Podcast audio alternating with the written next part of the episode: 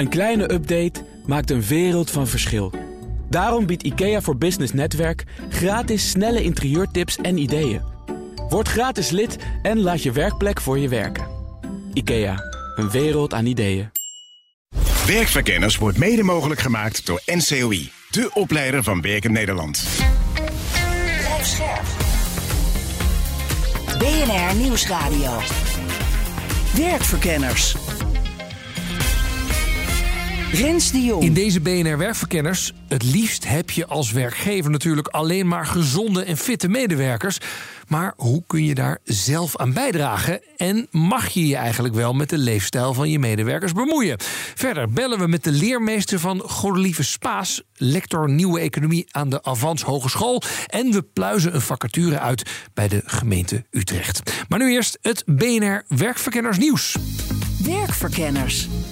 Met Nelleke van der Heijden. Dag Nelleke. Dag Rens. Uh, de Britten zijn enthousiast geraakt, razend enthousiast zelfs, over een kortere werkweek. Vertel. Ja, onder toezicht en begeleiding van de Universiteit van Cambridge hebben ruim 60 bedrijven uit allerlei sectoren een half jaar lang geëxperimenteerd met een vierdaagse werkweek. 100% van het werk, 80% van de tijd en voor 100% van het salaris was het credo. En ze zijn inderdaad echt heel enthousiast. En waarom dan? Nou, het had enorm positieve impact op echt alles. Minder stress, heel veel minder burn-out. Mensen sliepen beter, voelden zich gezonder. Hun relaties werden beter. Meer grip op hun financiën. En de zorg voor kinderen en zieke familie, dat bleek ook veel beter te combineren met het werk. Nou, dat klinkt heel geweldig. Uh, zeker voor de werknemers. Maar was het ook geweldig voor de werkgevers? Ja, die zagen een stabiele omzet. Dus hij groeide niet enorm, klein beetje, maar hij daalde ook niet. En ook wel heel bijzonder, veel minder mensen namen ontslag. Ruim 90% wil dan ook doorgaan met deze vierdaagse werkweek. Nou, zeer interessant onderzoek. Goed, we blijven nog even in het deeltijdthema, want... Ja, we horen natuurlijk altijd dat we hier in Nederland kampioen deeltijdwerken zijn. En Lim Berger van de Correspondent, zij is ook wel eens bij ons in de uitzending geweest. Zij heeft zich verdiept in wat we nou doen als we niet betaald aan het werk zijn. En dat is heel veel verschillende vormen van zorg. En nu pleit zij ervoor om dat voeden en wassen en voorlezen van je kinderen... of iemand verzorgen die ziek is, of boodschappen doen... of zelf je eigen huis schoonmaken.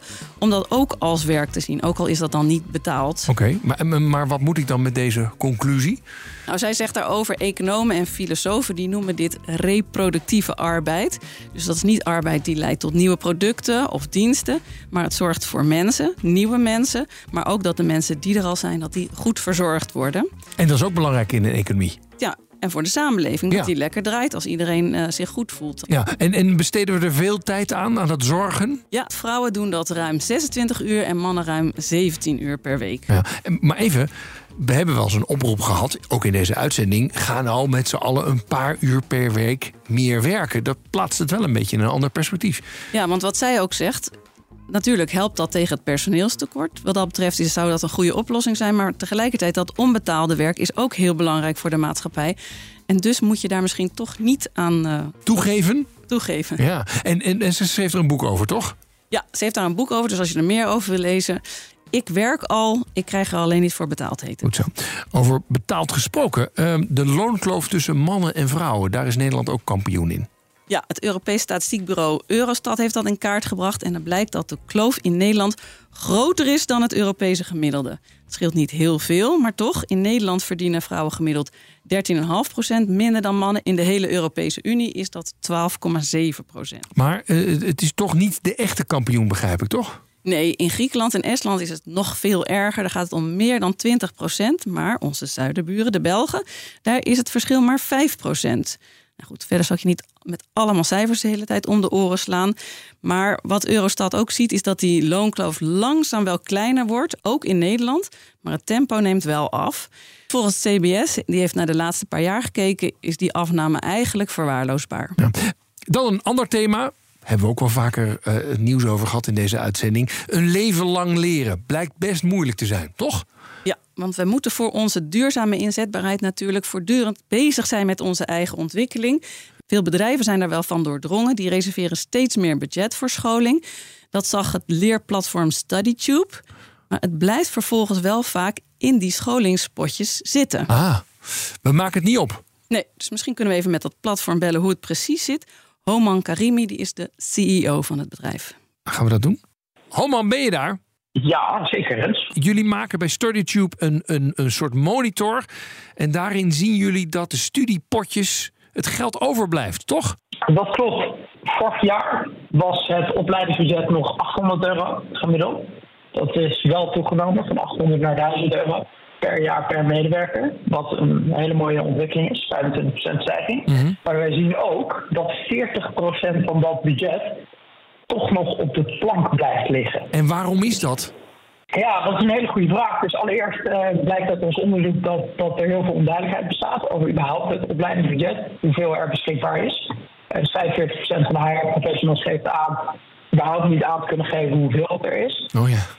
Tweede, wat een HR professional aangeeft, is dat ze zeggen, ja, door de waan van de dag, 30% van de gevallen, worden trainingen toch heel vaak eh, uitgesteld of gaan niet door. Uh, en daarnaast geven ze aan dat ze het heel moeilijk vinden om medewerkers te motiveren. En wat wel interessant is, vanuit de medewerker horen we dat bijvoorbeeld een van de bezwaren is ook weer daar het opleidingsbudget. Is dan niet transparant. Hoeveel is er beschikbaar en voor wie?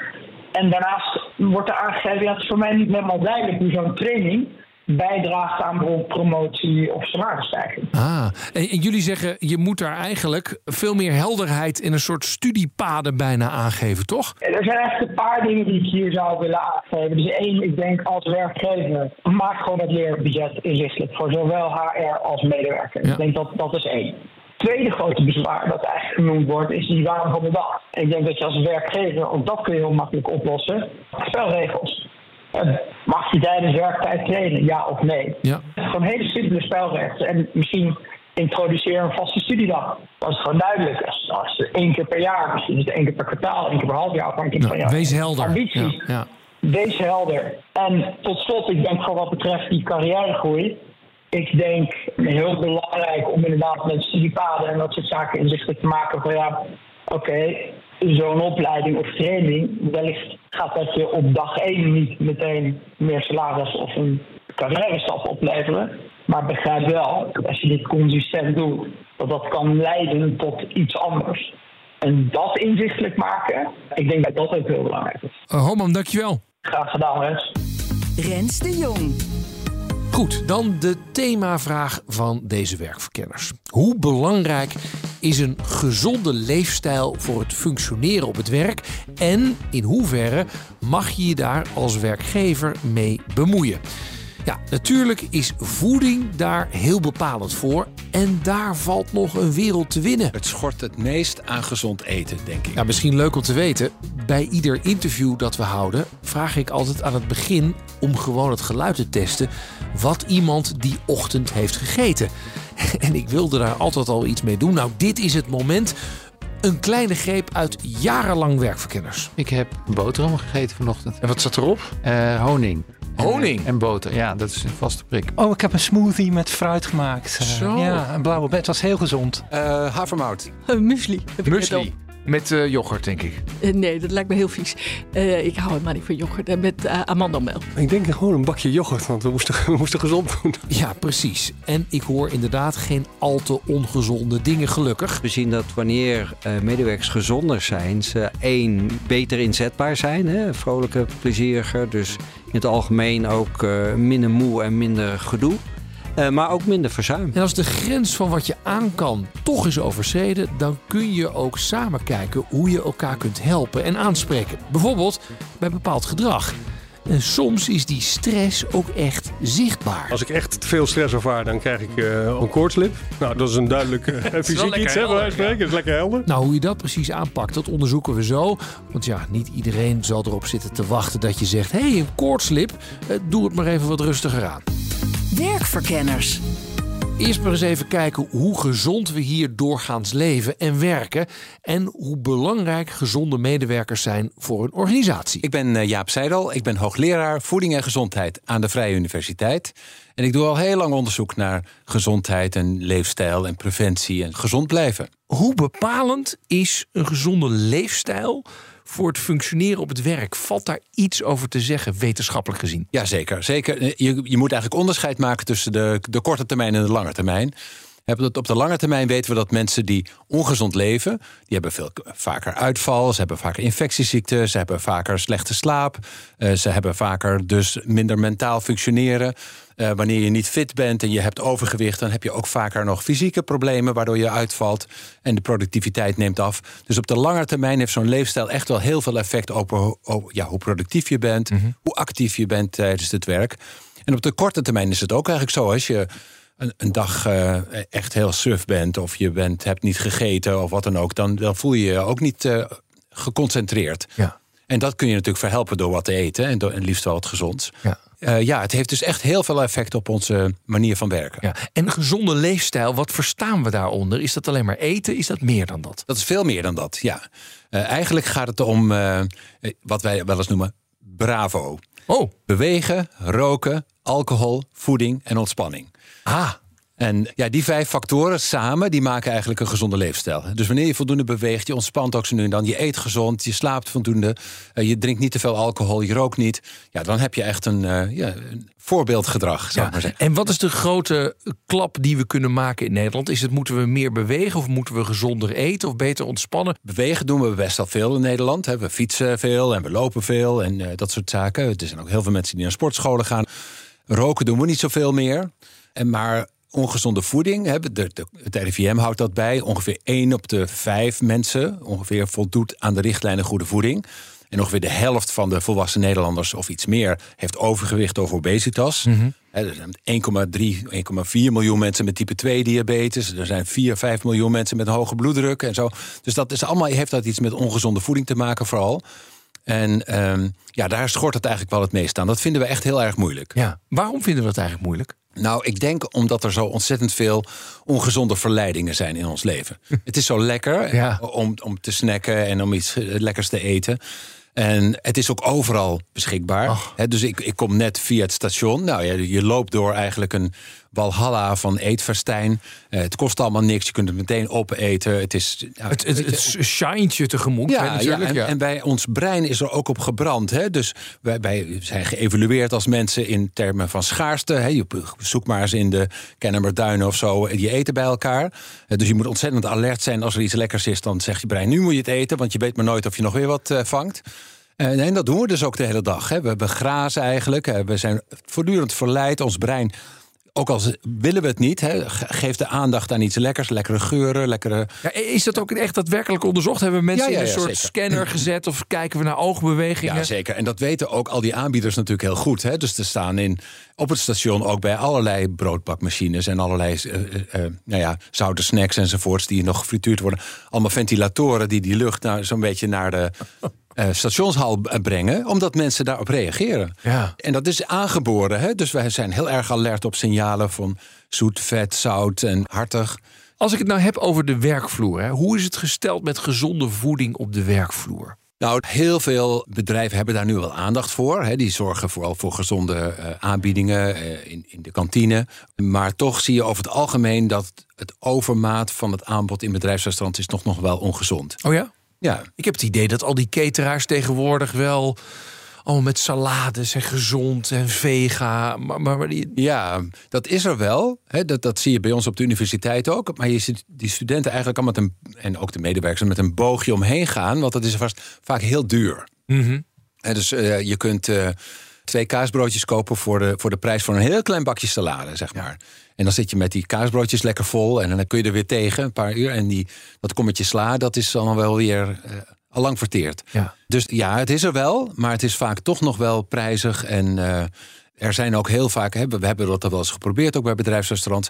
Haal nou die kroketten daar op die, die aantrekkelijke plaats weg. En dan, dan krijg je dus protest, want mensen willen dat heel graag. En we hebben natuurlijk toch in Nederland een beetje een cultuur van lunchen. Ten eerste mag niet veel tijd kosten. De meeste mensen eten eigenlijk op, op het werk eh, een kwartiertje achter het bureau vaak. Eh, wit brood met jam of kaas of wat dan ook. Hè. Dus eh, daar zit niet zo heel veel voedingswaarde in. Dus we weten dat heel veel mensen eigenlijk tijdens de werkdag ook niet zoveel groente en fruit eten. En niet zoveel, geen vis en geen volkoren producten en dat soort dingen. Want da- daar ontbreekt het ons een beetje aan. Qua tijd ook of qua aandacht? Alle twee. En Ja. geld ook. Hè? Dus Ja. het is. Eh, Ehm, kijk, dat, dat, dat leren we eigenlijk op jonge leeftijd al aan. Hè. We doen onderzoek op scholen en dan zie je eigenlijk dat er een continu rooster op de basisschool, hè, dan zit je van je vierde tot je twaalfde ongeveer op. Elke dag is er dan tussen half twaalf en twaalf uur, of om twaalf uur tot half één, een half uurtje pauze.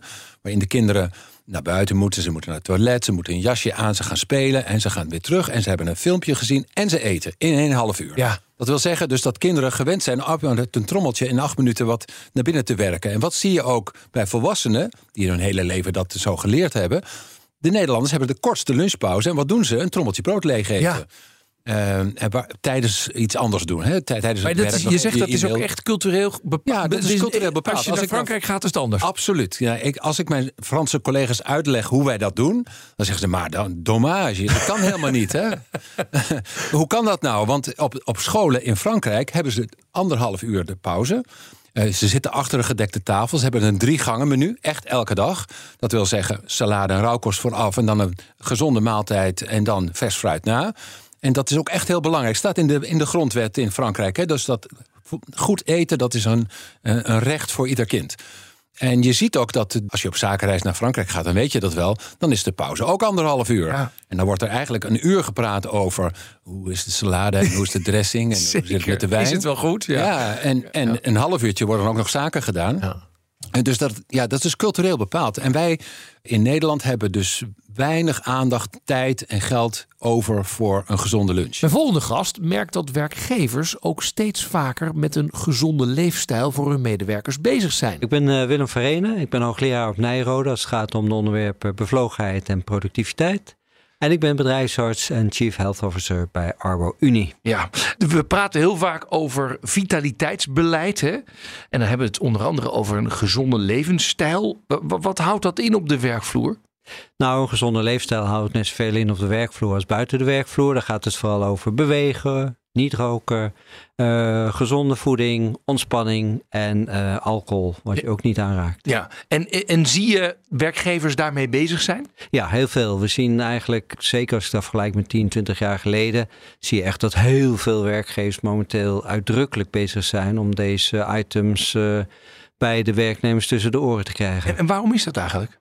Nou, het heeft grote voordelen natuurlijk. Hè. Je ziet dat het een maatschappelijke beweging is, hè, dat we met z'n allen toch iets gezonder willen zijn. Eh, werkgevers zien ook dat hun medewerkers ouder moeten worden, hè, die, of ouder moeten worden, werken langer door, zijn ouder en moeten gezonder oud worden. Mhm. Dus ze hebben daar direct belang bij dat hun medewerkers inderdaad ook gezond zijn. Ja. Is dat ook een link te maken met productiviteit? Ja, er is een duidelijke link met productiviteit. Ja, en het is echt significant als medewerkers gezonder zijn dat er minder Nou, verzuim het is heel moeilijk om dat in heel keiharde onderzoeken vast te leggen, maar we zien dat wel. Hè? Dus waar je dit soort onderzoeken ziet uitgevoerd worden, dan zie je toch regelrecht effect op allerlei productiviteitsmaten. We focussen ons dan op, eh, vaak op gezond eten in de kantine. Exact. Eh, een beetje bewegen. Zijn dat dan de dingen waar mensen energie van krijgen en waar er minder energie van weglekt?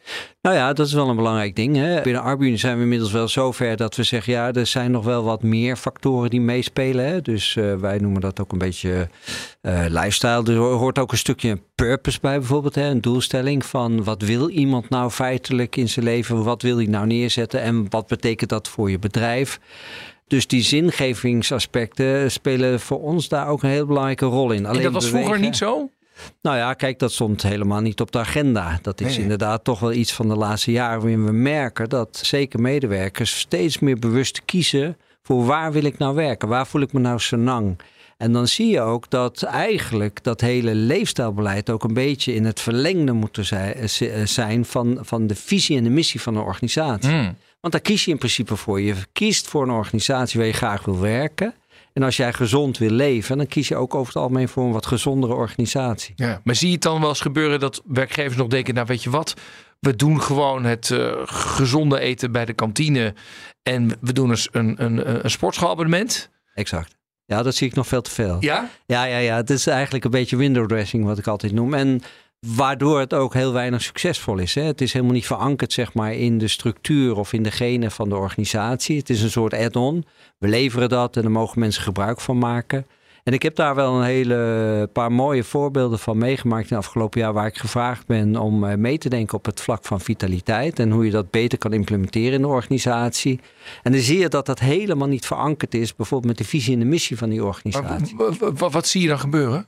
Nou, dan zie je dat het een, een, een dingetje erbij is. En daar mogen mensen dan gebruik van maken. En wat de werkgevers dan vaak zien is, ja, onze gezonde mensen, die maken daar gebruik van.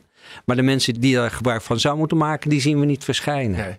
En dat heeft met hele simpele dingen te maken. Ik heb een keer bij een grote gezondheidsinstelling, waarbij ze bijvoorbeeld uh, in hun kernwaardes verankerd hebben. Iedereen accepteren zoals die is. En dat begrijp ik ook, omdat ze veel mensen met een uh, beperking uh, helpen daar. Mm -hmm. En de CEO zei ook tegen mij, ja, maar hoe komt het nou dat onze mensen daar niet meedoen? Hè? Moeten we daar nou niet uh, wat meer effort in stoppen? Toen zei ik, ja, maar jij hebt in je kernwaarden staan iedereen accepteren zoals die is. En aan de andere kant wil jij eigenlijk een gezondheidsbeleid neerzetten. Accepteer dan nog wel de mensen zoals ze zijn? Want als iemand dus dik is, rookt en drinkt, zeggen we dan tegen die van nou dat is ongezond, je moet anders worden? Of zeggen we we accepteren jou zoals je bent? En hoe ziet een werkvloer eruit die de vitaliteit van de medewerkers bevordert? Ik ben Mikkel Hofstee, 20 jaar geleden begonnen met Lifeguard, een bureau wat bezighoudt met vitaliteit. Vertel eens, wat doen jullie precies? We houden ons al een jaar of twintig bezig met de vitaliteit van werknemers. In de breedste zin van het woord? In de breedste zin van het woord. Dat is wel veranderd. Want in het begin uh, richten we ons vooral op de individuele vitaliteit. Maar nu zien we dat de werkomgeving ook wel erg belangrijk is. Ah, hoe richt je een vitale werkomgeving in? Nu kijken we, de, de, de problematiek is echt veranderd. Waar we inderdaad twintig jaar geleden zeiden, we moeten wat doen aan de leefstijl van onze medewerkers. Is nu de vraag, uh, wij hebben een hoog ziekteverzuim of we hebben uh, hoge werkdruk. En kan je daar naar kijken? En helpt daar leefstijl in? Of moeten we ook nog naar andere dingen kijken? Nou ja, en even over die voeding. Hè? Want twintig jaar geleden was het, we moeten ze beter eten geven. Toch? Ja, ja. ja dat was beter eten, beter slapen, meer bewegen. Ja. Heel, heel simpel gezegd, dat was het. Ja. Maar hoeveel impact heeft dat eten dan? Of had dat eten dan, wat jou betreft? Nou, ik, ik vind wel een mooi, mooi voorbeeld is, je had vroeger altijd de, de bedrijfskantine. Nou, elk, elk zichzelf respecterend uh, bedrijf heeft nu een bedrijfsrestaurant. Hè? Mm -hmm. En als je daar ook komt, dat is, is fantastisch. Dat aanbod, verse groenten, van alles. Dat is echt veranderd met het broodje kroket uh, wat je vroeger had of het broodje kaas. Ja, dus we bieden echt di dingen anders aan in de afgelopen jaren. Totaal, ja? totaal. Ja, die, die wereld is volstrekt veranderd. En ik geef altijd het voorbeeld van, kijk even aan de voorkant van de alle handen nu ten opzichte van 20 jaar geleden. Dat is, uh, waar vroeger de sappige hamburger uh, is, is het nu een sappige bietburger. Ja, ja. En, en, en dat zie jij dus ook daadwerkelijk echt overal gebeuren? Of is het alleen maar bij dit soort bedrijven, zoals hier bij BNR met allemaal hoger opgeleiden, die, of, of zit daar verschil in? Er zit wel verschil in, maar je kan je voorstellen dat bij bedrijven zoals, ik, ik noem maar wat, de, de NS of het gemeentelijk vervoersbedrijf, waar het natuurlijk veel lastiger is, waar mensen de hele dag bezig zijn. En ja, dat is uh, heeft misschien niet zoveel tijd om te lunchen en dat moet even tussendoor. Dus er is nog wel een groot verschil inderdaad tussen, nou ja, wat we dan zeggen, hoog of laag opgeleid of praktisch geschoold of theoretisch geschoold. Zoals ja, maar even over die voeding, hè? Ik hoor jou een beetje zeggen, daar zijn we eigenlijk al wel. Dat hebben we, we solved that puzzle. Uh, qua aanbod wel, dat is echt veranderd. Maar aan de andere kant zou je kunnen zeggen, als je gewoon uh, het station oploopt, dan is het aanbod aan ongezonde producten is ook nog gigantisch. Ja. Uh, dus ik denk, hè, recente cijfers zijn dat we wel iets gezonder eten. Maar er is, ontstaat ook wel een tweedeling. Van een grote groep die gezond eet en een grote groep die daar nog niet aan toe komt. Vertel daar eens meer over. Nou, de buschauffeurs, de vrachtwagenchauffeurs die uh, nog steeds vaak van langs pompstations komen en zo. En dat aanbod daar is, ja, dan ga je toch voor de makkelijke keuze. Ja. Nou, dus ik... daar, is, daar zijn we nog niet. Nee, nou ik moet inderdaad het eerste pompstation nog vinden dat gewoon gezonde producten aanbiedt. In plaats van alleen maar gewoon ja, maar slecht. Ik, ik, moet je eerlijk zeggen, als ik, als ik nou zelf wil kijken en ik kom bij een pompstation. Dan, en ze verkopen daar een appel. Ik heb zelden een appel gekocht bij een pompstation. Ook al hebben ze het aangeboden. Dan ga je toch, weet je wel, voor... Uh, ja, mijn favoriet is dan toch de krentenbol met kaas. Die tweedeling hè, in, in, zeg maar, gezondheid. Zie je dat nog steeds of niet? Ja, ik, ik, ik maak me daar echt wel zorgen over. Ik maak me wel zorgen over dat uh, ja, een beetje de hefs en hefnots en dat vitaliteit steeds een soort onderscheidend wordt. En dat het zich uh, ook wel langs de ja, de traditionele beroepsgroep of traditionele sociaal-economische statuslijnen mm blijft ontwikkelen. Ja. Wat levert het uiteindelijk op, een gezonde leefstijl op de werkvloer? Er zijn allerlei prachtige onderzoeken. En het is natuurlijk zo dat als je goed in je vel zit, als jij, uh, ja, dan heb je minder risico op verzuim. Mm -hmm. Wat wij gezien hebben is dat alleen een gezonde leefstijl is onvoldoende. Vertel eens. Nou, ik kan heel, een heel gezonde uh, leefstijl hebben. Elke ochtend uh, eet ik mijn, bakje yoghurt, ik mediteer, ik loop hard. Maar ik, ehm, ik loop ook de kantjes ervan af. Ja. Of het is een volstrekt onveilige werkomgeving. Of ik krijg heel weinig autonomie op mijn werk. Nou, dan zorg ik wel dat ik lekker mijn rondjes loop en dat ik fit blijf, bij wijze van spreken. Maar ik ben weinig bevlogen of betrokken. Ja, ja.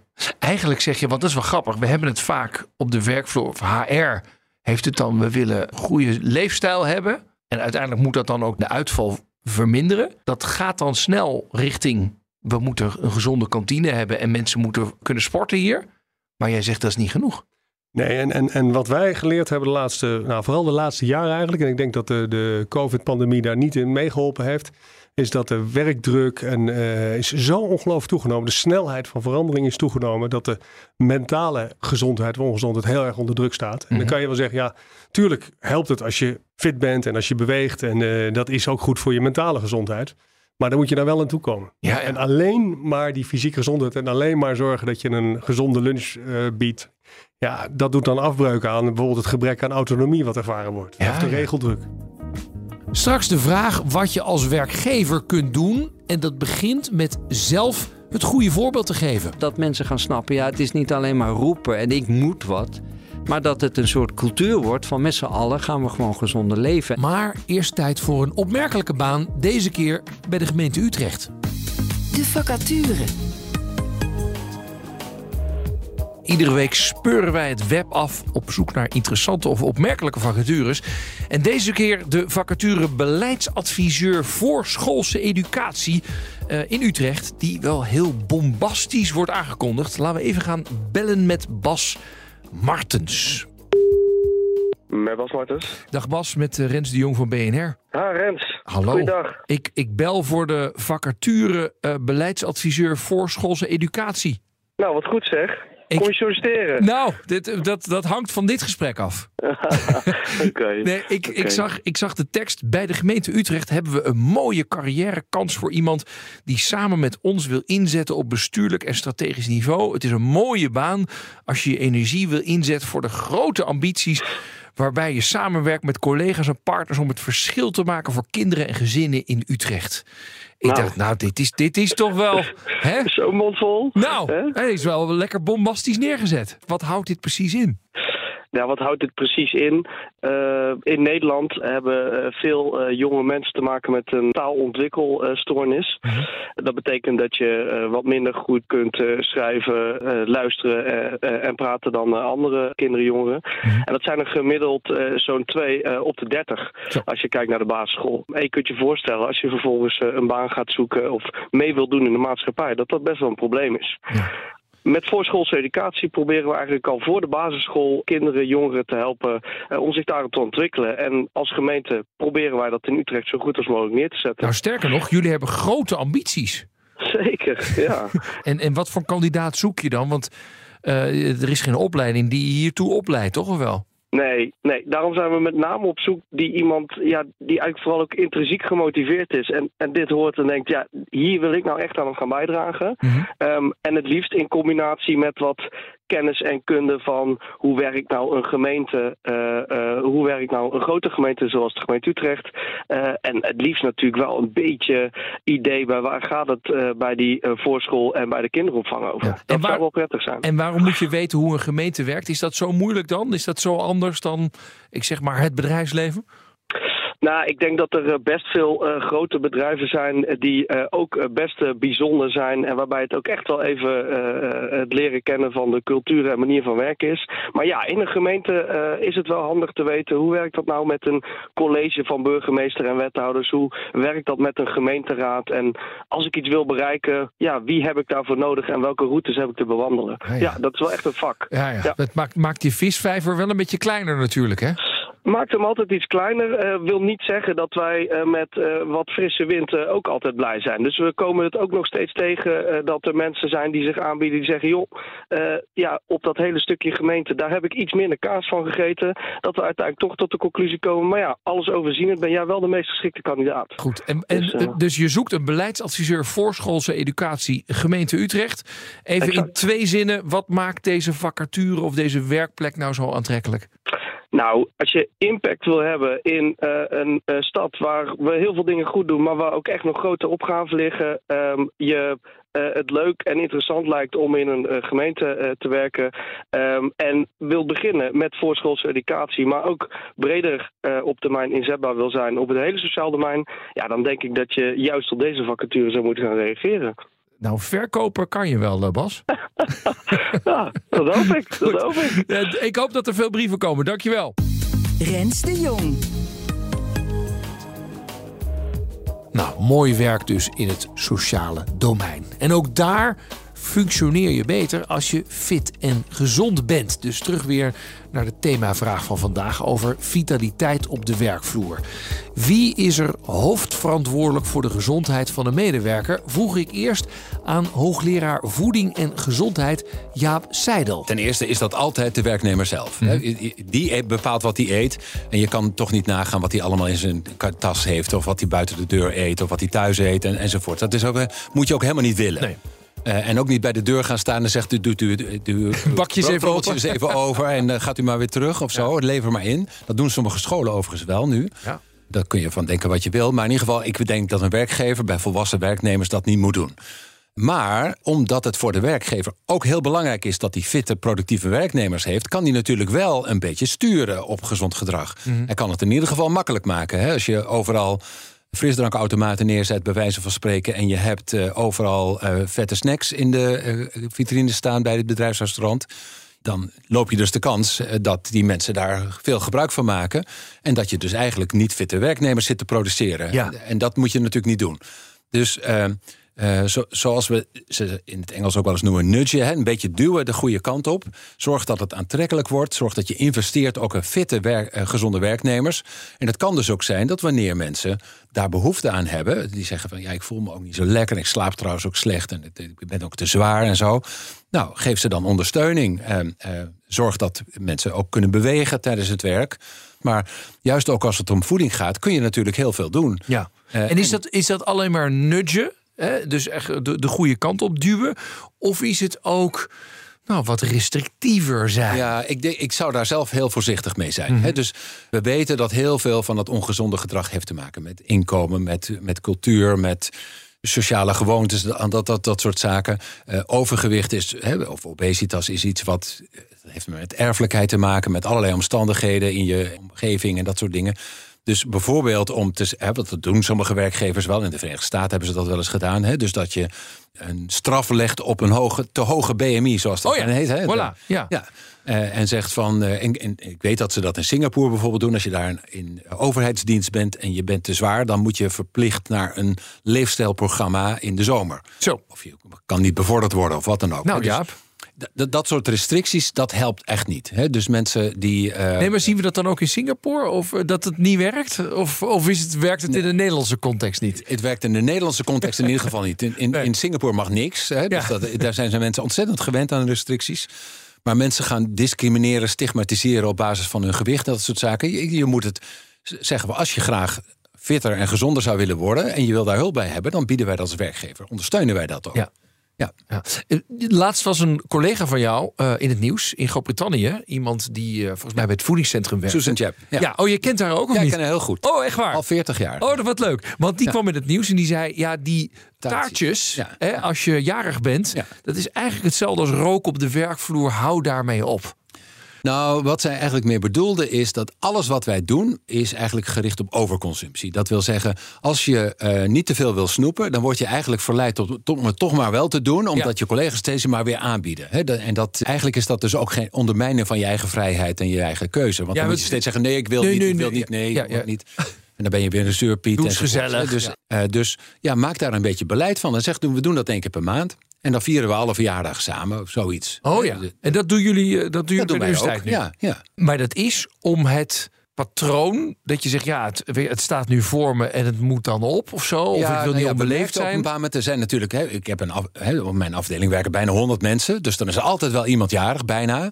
Eh, er is altijd wel iemand die eh, iets gevierd heeft, die heeft een subsidie gekregen. Of er is een publicatie verschenen, of er wordt gepromoveerd, of er is, nou ja, enzovoort. Dus e- elke dag is er eigenlijk wel een aanleiding om iets eh, taart te serveren. En dat hoeft helemaal niet. Hè? Dus dat kan je best beperken. Dat wil niet zeggen afschaffen, want dat vind ik ook heel verkeerd. Ja. Jij hebt nog een voorbeeld. De meeste porties zijn eh, small, medium en large. Hè? Klein, midden en groot. Of normaal. En eh, bijna iedereen gaat voor normaal. Hè? En we weten dat geleidelijk aan zijn die porties groter geworden. Hè? De, de kleinste beker is de allergrootste maat die, die, die we vroeger hadden. Ja. Eh, als je naar de bioscoop gaat, is, is popcorn is in kleine emmers en in hele grote emmers te krijgen. Maar als je dus, dus in een bedrijfsrestaurant verschillende portiegroottes hebt, small, medium en large, dan hebben wij gemerkt dat wanneer je de large gaat vervangen door een nog kleinere, dan heb je weer drie keuzes. En dan gaan mensen steeds, ook nog steeds voor de middelste. Ah. En dan eten ze dus vanzelf wat minder. Dat is iets waar we niet over nadenken. Maar als je keuze hebt tussen drie, dan nemen de meeste mensen nemen de middelste. Dus zorg ervoor dat die middelste kleiner is dan die was. De vraag wie in de eerste instantie verantwoordelijk is, beantwoordt hoogleraar en bedrijfsarts Willem van Renen ongeveer hetzelfde. Verantwoordelijkheid ligt altijd bij de individu in kwestie. Kijk, ik ben verantwoordelijk voor mijn eigen gezondheid. En een werkgever is niet verantwoordelijk voor mijn gezondheid. Wat je wel ziet, en dat hebben we ook in eigen onderzoek gezien, is dat de meerderheid, en dat is van drie kwart tot eh 90 procent daartussenin, dat werknemers wel heel graag willen dat hun werkgever wel iets doet op dat vlak. Werkgevers zie je dat veel lager. eh, die hebben het idee van ja, ik mag me er niet mee bemoeien. Ja. En daar zit een heel gek verschil. Hè? Dus werknemers willen best wel graag dat ze ondersteund worden in allerlei interventies als het gaat over leefstijl. En werkgevers hebben het idee, we mogen ons er niet veel mee te bemoeien. Snap ik ook wel, want als dat doorslaat in rechtstreeks tegen mensen zeggen: Volgens mij is jouw BMI boven de 24, vriend. Gaan we er eens wat aan doen? Ja, ja, ja, dat dat misschien niet heel erg lekker valt. Nee, dat zou bij mij ook niet lekker vallen. nee, nee, nee. Dus zo moet je het gesprek niet voeren. Kijk, waar het om gaat is dat je nogmaals vanuit die cultuur die je probeert neer te zetten met elkaar het gesprek voert. Hoe kunnen we elkaar zo gezond mogelijk houden? En dat is niet alleen eten en drinken. Het gaat ook over stress. Het gaat ook over gedoe. Het gaat ook over arbeidsfactoren hè, waar je mee werkt. Dat zijn allemaal eh, issues die je gewoon hoog op je lijstje moet hebben staan als het gaat over het welzijn en de gezondheid van je medewerker. Maar de vraag is dan even: hoe, in hoeverre mag je toch lichte dwang laten uitgaan? Ja, ik vind niet. Ik vind niet dat je mensen mag dwingen om eh, iets te Zonder te leven? Eh, nee, nou Waarom ja, kijk. eigenlijk niet? nou ja, laat ik zo zeggen. Met roken hebben we het al wel gedaan. ja, maar omdat dat ook groot effect heeft voor je omgeving. En ik zou wel Oké, willen dat oké, maar, ook- maar, nou, maar even punt. Dat is waar. Dat was voor binnen. Maar we zeggen nu zelfs op dit bedrijventerrein wordt niet gerookt. Nou, je kunt mij niet beargumenteren dat als die mensen die buiten staan te roken, dat het een enorme invloed heeft op de omgeving. En toch zie ik ze buiten de hekken roken. Dus ergens zijn wij een grens overgegaan. Ja, nou, grens. Ik vind dat, geen, ik vind dat een goede grens. Voor nee, mij is prima. Maar dan, grens. nee, maar dus, dus is prima. Maar dus gaan we ons bemoeien. Ja. En waarom doen we dat dan niet met andere Omdat het dingen? hele grote gezondheidseffecten heeft. Alcohol is idem dito. Hè? Dat is maatschappelijk nu nog, eh, ligt nog wat ingewikkelder. Ja. Maar ik voorspel dat over 10, 20 jaar we dezelfde discussie hebben over alcohol. Dan wordt er niet meer gedronken, nergens meer. En er wordt langzaam maar zeker uitgeband. Mhm. Dan zitten we gewoon andere dingen. Maar we weten dat slecht eten dat ook niet goed is. Wanneer gaan we dat buiten het bedrijf verbannen en buiten het bedrijventerrein verbannen? Nou ja, bij eten ligt het veel gecompliceerder. A, zie je dat die eh, ziektelast niet direct aantoonbaar is, tenzij je heel dik wordt. Maar goed, dan heeft het ook weer te maken met bewegen en bijvoorbeeld met alcoholgebruik en dat soort zaken. Dus dat is een veel complexere materie, waarbij je niet één ding echt direct kan aanwijzen. Daar zit het issue en als we dat aanpakken en eh, elimineren, dan hebben we het opgelost. Dus dat ligt ingewikkelder. Dus de dwang kan je ook wat minder makkelijk doen. Van eh eh, Nou, je zou wel de verleidingen, ook hier, als je langs de snoepautomaat loopt. Ja, mijn brein zegt altijd wel eens van... ehm, zakje chips heb jij wel verdiend, Rens. Exact. Ik heb een hard interview gehouden, ging ja, hartstikke ja, goed. ja, ja, ja. Ja, dat zouden we ook kunnen zeggen, dat verbannen we gewoon. Nou ja, dat zie je ook gebeuren. Hè. Je ziet dus wel dat, eh, zeker bij werkgevers en ook in de openbare terrein, maar zelfs ook bij winkels, dat de plekken waar ongezond voedsel staat, dat die langzaam maar zeker gemarginaliseerd worden. Maar denk je dat werkgevers daar dan steeds assertiever in mogen worden? Nou, ik vind dat uh, werkgevers veel meer een voorbeeldfunctie daarin moeten hebben. Omdat ze daar ook di direct een belang bij hebben. Mhm. Zij hebben belang bij gezonde, vitale werknemers. Maar wat is dan voorbeeldfunctie? Nou, dat jij bijvoorbeeld zegt, nou, wij hebben gewoon in ons gebouw geen apparaat waar je gewoon die zakken chips uit kan trekken. Wij hebben hier gewoon uh, uh, fruit waar mensen gebruik van kunnen maken of uh, augurkjes, dat soort toestanden. En we, we verbannen in ieder geval voorlopig het ongezonde spul. Ja, maar waarom zeg je voorlopig eigenlijk? Ja, dat vraag ik me eigenlijk ook af. ik zou het het ja, liefst willen. Nee, maar het grappige is omdat je toch ook een beetje bang bent hiervoor, toch? Nou, voorlopig, omdat ik verwacht dat er wel weerstand zou komen, Ja, links en rechts. Ja. Uh, maar ik ben wel met je eens dat je, nee, als het, als het aan mij ligt, verbannen we dat uh, uh, volledig. Ehm, en ga je gewoon langzaam zeker op stap naar die gezondere omgeving. Ja. Waar ligt de grens? Mag je inderdaad tegen een medewerker zeggen, volgens mij heb jij hulp nodig om van jouw gewicht af te komen?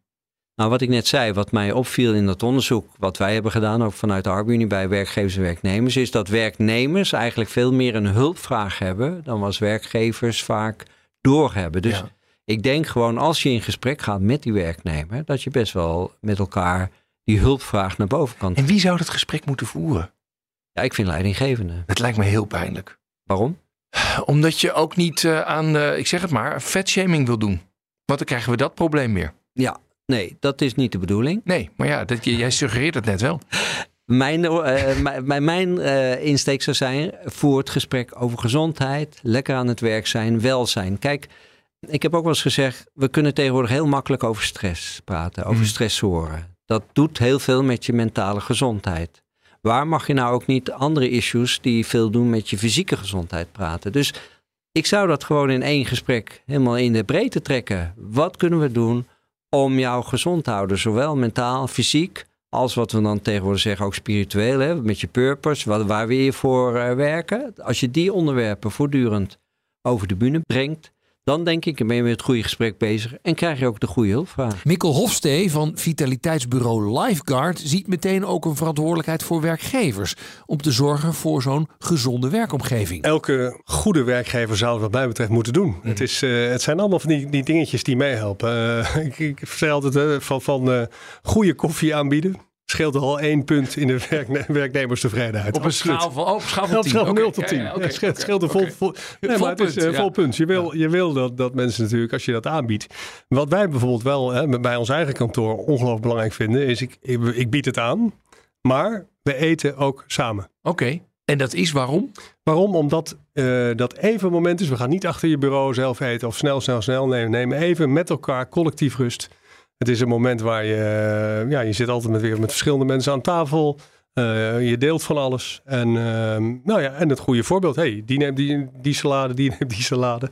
Dus het werkt. Ja. Maar het belangrijkste is denk ik wel het gezamenlijk. Is gewoon ja, en jij zegt, ik, ik als werkgever vind het belangrijk dat ik daar het initiatief toe neem om die gezonde werkomgeving te bieden. Ja, ja, het, voor, voor, mij is het, uh, het is ook, als ik het niet doe, gaan uh, mensen. Nou, het is, het is gezondheid, maar mm -hmm. het is ook uh, goed werkgeverschap. En zorgen dat daarmee je de mensen meer, meer bindt. Ja. Heb, heb jij een voorbeeld van andere bedrijven uit de praktijk die goed bezig zijn met het stimuleren van een gezonde leefstijl? Ja, de, bijna alle, alle grote bedrijven doen het wel nu. Mhm. Mm -hmm. Elk zichzelf respecterend bedrijf, of elk beursgenoteerd bedrijf doet het nu. Die, ja. En zeker opvoeding die bedrijfsrestaurant. En, en, en, en, dan kijk je eigenlijk naar de grote cateraars. Hè? Dus uh, Huttes, Sodexo, ja. uh, Formaat. Die zijn allemaal... Ja, je moet iets meer betalen. Maar die bieden fantastische dingen. Ja. Dus elke grote... grote dus dat, voeding, dat, dat wordt gedaan. Voeding zit, voeding zit snor. Ja. maar jij had het over uh, mentale weerbaarheid. Weten waar elkaar stressniveau zit. Steun ervaren in een team. Hoe staan we er daarvoor in Nederland? Dat is ontzettend moeilijk. En, en, en wat er gebeurd is, ook weer door de COVID-pandemie, is het werk heeft zich versneld. Maar betekent ook dat er minder verbinding is. Minder mensen zijn op kantoor, minder mensen werken in teams. Dus daar hebben we een enorme slag te gaan. Ja. En, en arbeid is, hè, de, we, we moeten langer werken dan ooit. We gaan verschillende carrières waarschijnlijk doen. Dus dat, daar gaat een verschuiving plaatsvinden die fascinerend is. Ja. Dit gaat allemaal over teamdynamiek en energiebronnen. Zijn er daar bedrijven die daar al stappen in het maken zijn waar je iets over kunt zeggen? Ja, wat je ziet. Nou ja, we, we hebben, we hebben laatst een mo mooi uh, traject gedaan. Bijvoorbeeld bij de Marseillais op Schiphol. Dat Mhm. mm -hmm. mag ik delen. Uh, okay. Daar zie je dat zij, ze, ze werken eigenlijk in een andere omgeving, dus waar ze zelf niet direct invloed op hebben. En toch hebben zij gekeken met het team hoe ze binnen die bestaande contouren eh, dingen kunnen aanpassen. Dus zij hebben toch op een gegeven moment zelf gezegd: wij gaan eh, s s'avonds in de nachtdienst onze eh, wachtruimte opknappen. Oh ja.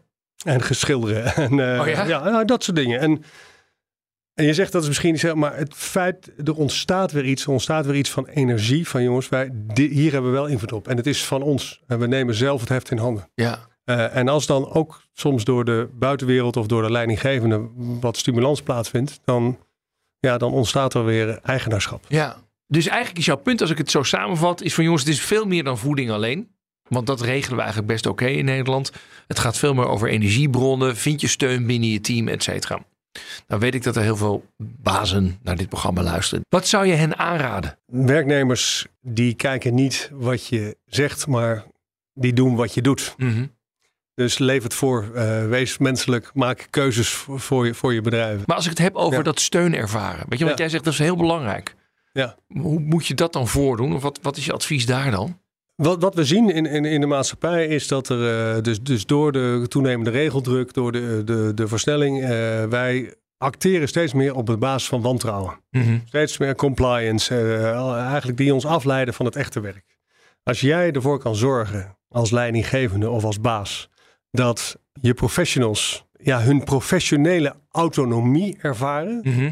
en het werk kunnen doen waar ze echt energie van krijgen, ja, dan ben je al zoveel verder.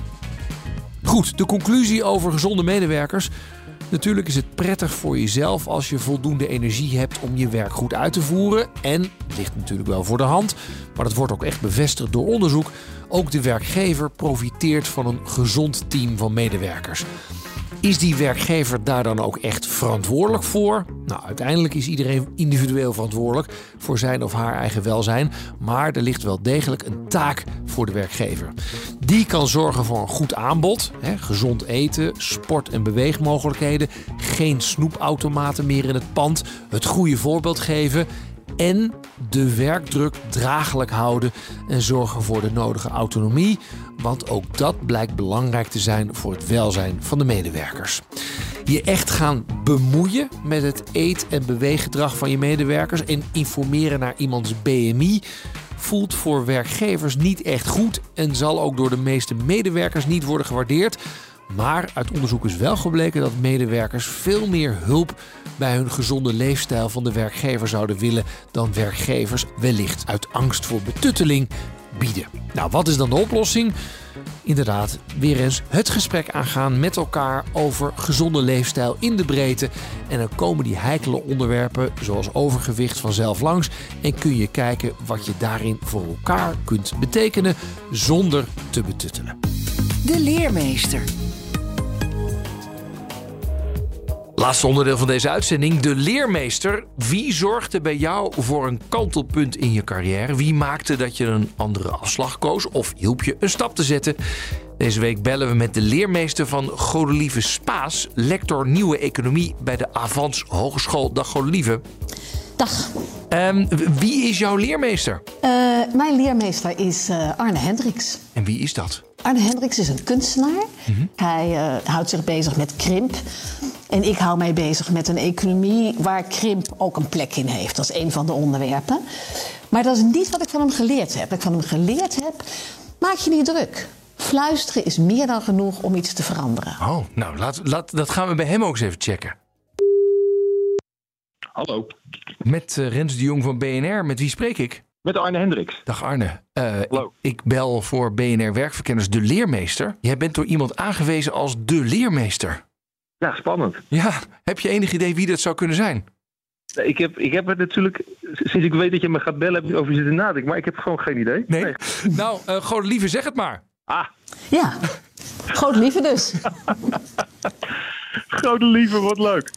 Ja, ja wat een eer om door jou genoemd te worden. Wat ontzettend leuk. Ja, goed, lieve, ver- vertel, wat was het moment dat jij dacht: Arne is mijn leermeester? Dit maakt impact. Dat was dat wij samen in een vergadering zaten.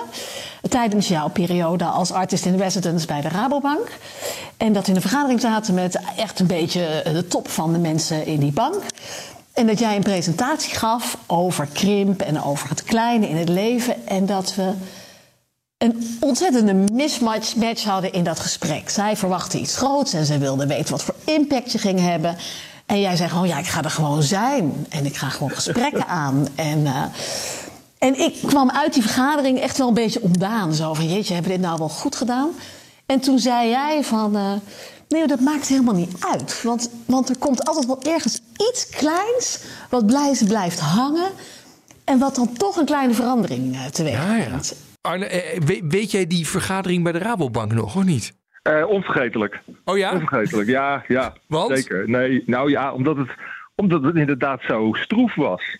Ja, ik vond het ook wel, ja, ik vond het ook een soort van toneelstuk of zo, een soort spannend. Ik dacht van, ja, god. Ja. Dus inderdaad, toen we daar uitkwamen en we hadden allemaal zoiets van, nou, ging niet echt uh, van een leien dakje. Maar, maar tegelijkertijd hadden we wel zoiets van, dat was wel interessant. Wist je dat je deze impact op Godelief had gemaakt? Uh, nou, nee, nee, natuurlijk weet je dat niet. Maar we werken samen, hè. We, we zien elkaar regelmatig. En af en toe uh, ja, geven we elkaar toch uh, moed. En, en ja, fluisteren we in dat, dat het zin heeft wat we doen. Ja. En, en, en in die zin is, is die impact wederzijds. Ja. Je, doet het samen en het is niet de makkelijkste tak van sport, zeg maar, waar, waar Godelieve in uh, werkt. dus dan, dan moet je vertrouwen houden en dan moet je ook met kleine successen tevreden zijn. Ja. Godelieve, wil reageren eens? Wat hoor je allemaal nu? Nou ja, wat ik, wat ik wel leuk vind is, want uh, dat, dat was, die meeting was best wel aan het begin van een lang traject. Wat we vanuit Rabo Kunstzaken uh, gedaan hebben, of wat Arne gedaan heeft en waar we later ook samen dingen in gedaan hebben. En het grappige is dat diezelfde mensen die toen daar zaten, twee jaar later zeiden hoe groot het verschil was dat Arne uiteindelijk gemaakt heeft. En al die kleine fluisteringen uh, hebben echt uiteindelijk wel iets teweeggebracht ja. in het denken over dat een bedrijf misschien kan krimpen, dat groei misschien niet de enige weg is. W wanneer, want ik heb het gevoel dat ik jullie met elkaar connect, maar dat jullie elkaar morgen weer ergens gaan zien, of niet? Nou, de laatste tijd wat minder, hè? maar oh. uh, dat, zou, dat zou ik heel leuk vinden. Ja, we zien elkaar binnenkort wel weer ergens. We komen ja? elkaar om de zoveel tijd weer tegen. Ja, het moet, het moet, nu wel, hè? Nu, nu, nu je elkaar officieel elkaars leermeester bent, dan moet je wel weer even meeten met elkaar. Even ja. fluisteren. Ik zie er naar uit. Ja, even samen luisteren. Goed zo. Zeker. Hey, dank jullie wel. Ja. Oké, okay, graag gedaan. Oké. Okay. Hoi, hoi. Jo, dag Arne. Hi. Dit was Werkverkenners voor deze week. Volgende week dan krijg je weer een verse op dinsdag om 3 uur. Productie en redactie Nelleke van der Heijden en Emma Somsen. Mijn naam is Rens de Jong. En natuurlijk in je favoriete podcast-app kun je deze uitzending ieder moment terugluisteren. Graag tot de volgende keer. Dag. Werkverkenners wordt mede mogelijk gemaakt door NCOI, de opleider van Werken Nederland. Een kleine update maakt een wereld van verschil. Daarom biedt IKEA voor Business Netwerk gratis snelle interieurtips en ideeën. Word gratis lid en laat je werkplek voor je werken. IKEA, een wereld aan ideeën.